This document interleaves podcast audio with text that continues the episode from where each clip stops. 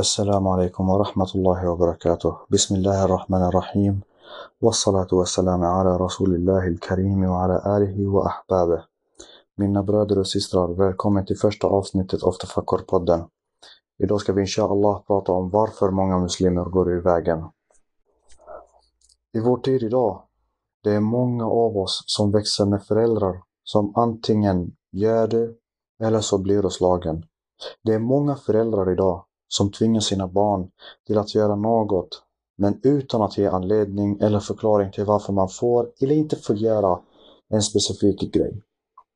Även att det står i Koranen La ikraha fiddin qad tabayyana rushdu min al. Tvång skall inte förekomma i, i, i religion.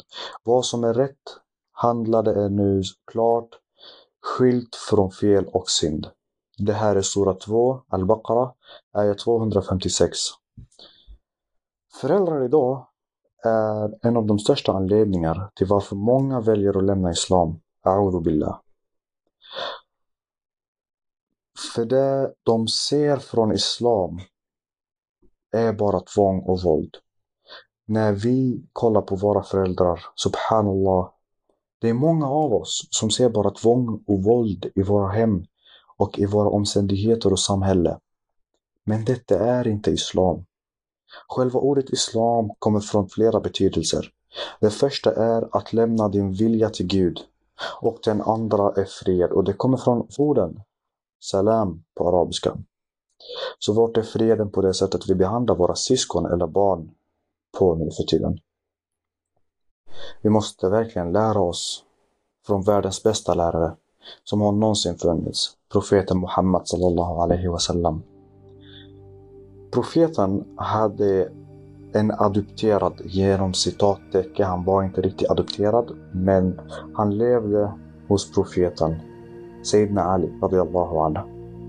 Ali ibn Abi Talib som levde hos profeten sedan han var fem. En dag i början av Islam, dagar efter profeten sallallahu alaihi wasallam fick meddelandet från Allah via ängeln Jibril.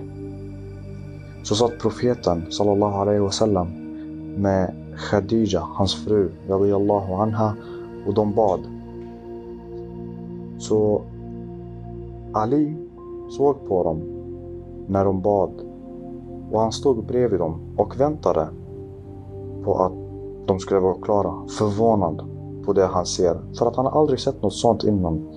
Profeten har aldrig pratat med Ali om Islam innan heller. Så han väntade på att profeten sallallahu alaihi wasallam och Khadija radiallahu anha ska vara klara med bönen. Och när de blev det så frågade Ali radiallahu an profeten sallallahu alaihi wasallam.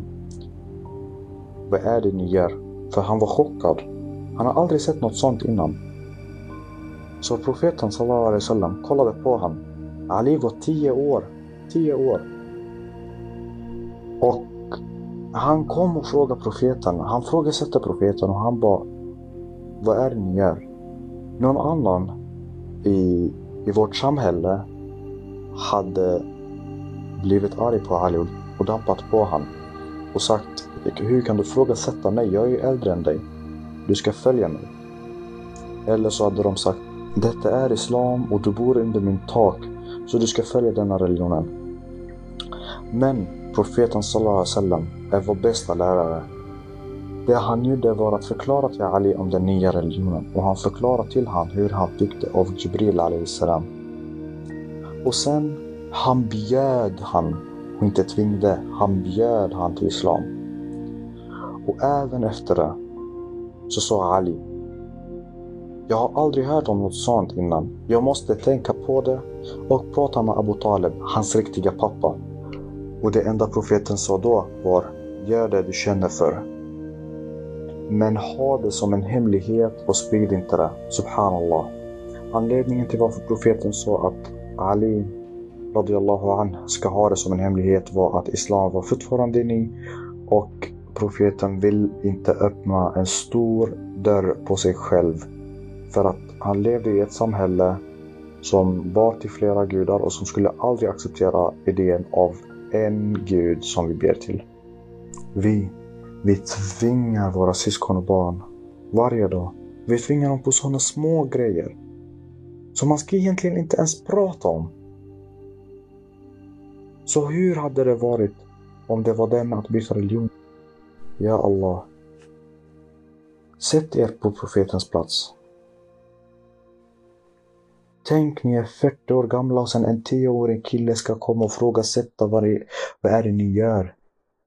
Så, tänk en kille ska säga till er, jag har aldrig hört om det du gör innan, jag måste tänka på det först. Stoltheten skulle ha tagit över oss. Och vi hade tänkt, vad är det för små barn som kommer hit och frågasätter oss?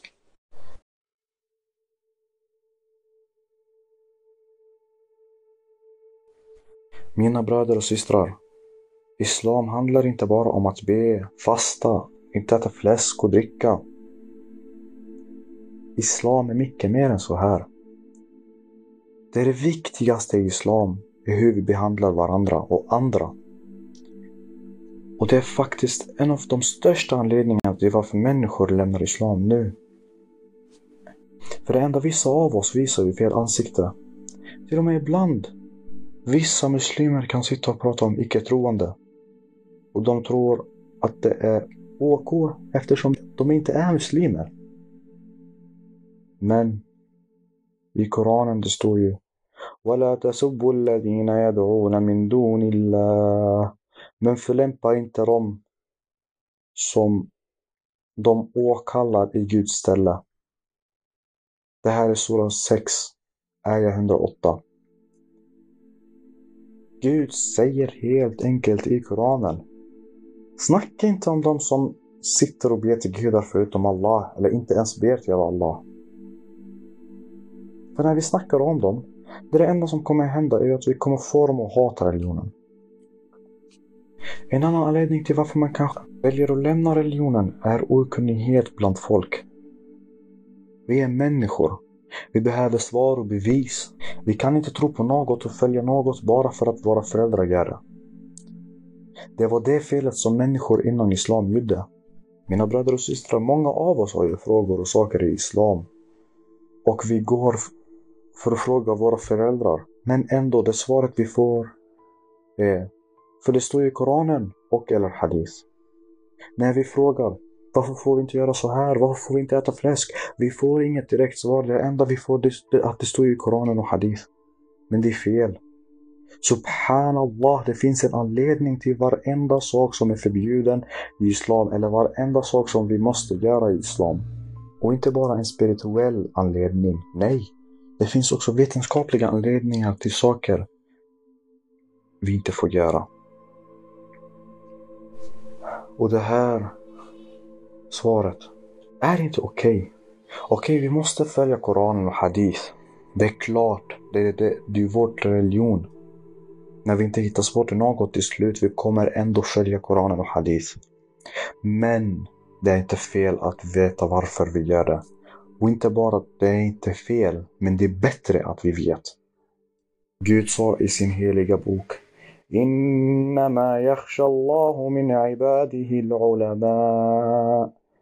Ingen av hans tjänare utom de som har en djup inre kunskap fruktar Gud så som han bör fruktas. Det här är sura 35, är 28. Vi måste lära oss och vara nyfikna och frågesätta. För det är så vi kommer komma vidare med vår religion. Och vi kommer insha Allah göra det i den här podden. Och det är därför jag gjorde den här podden.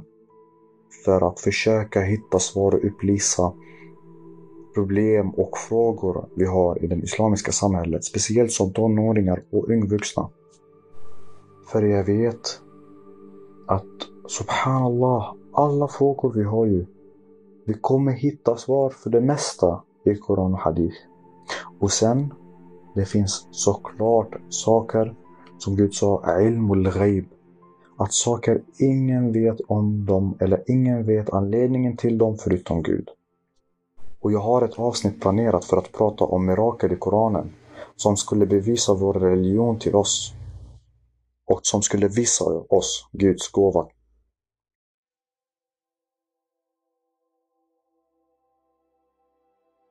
Mina bröder och systrar, en annan viktig grej vi måste ta upp är vår identitet. Många lämnar islam på grund av den bilden som kommer med att vara muslim. Men varför, istället för att visa dem att vi är svaga och att vi inte är stolta på vår religion, varför visar vi inte hur starka vi muslimer är? Hur stolta vi är över vår religion? Genom att behandla dem som en riktig muslim behandlar folk. Troende och icke-troende. En riktig muslim pratar inte om någon bakom deras rygg. En riktig muslim stäbar inte andra i ryggen. En riktig muslim fuskar inte andra. Och så vidare och så vidare. Men det betyder ju inte att om du gjorde det, du är inte muslim. Nej! Inte alls. Be om förlåtelse och försök att gå och ändra vägen. Och ändra det här felet och fixa det. Om du skadar någon, gå och be om förlåtelse från dem. Om du pratar om någon, gå och be om förlåtelse från dem. Så snälla mina bröder och systrar, försök alltid att lämna ett leende på andras ansikte och en, och en god känsla i deras hjärta. Ja Allah, hjälp oss att visa människor och öppna människors hjärtan för Islam. O Allah, förlåt våra synder och hjälp oss att lämna dem och komma tillbaka till dig. Alhamdulillah, wa salatu wa salamu ala rasulillah. Tack för att ni lyssnade mina bröder och systrar.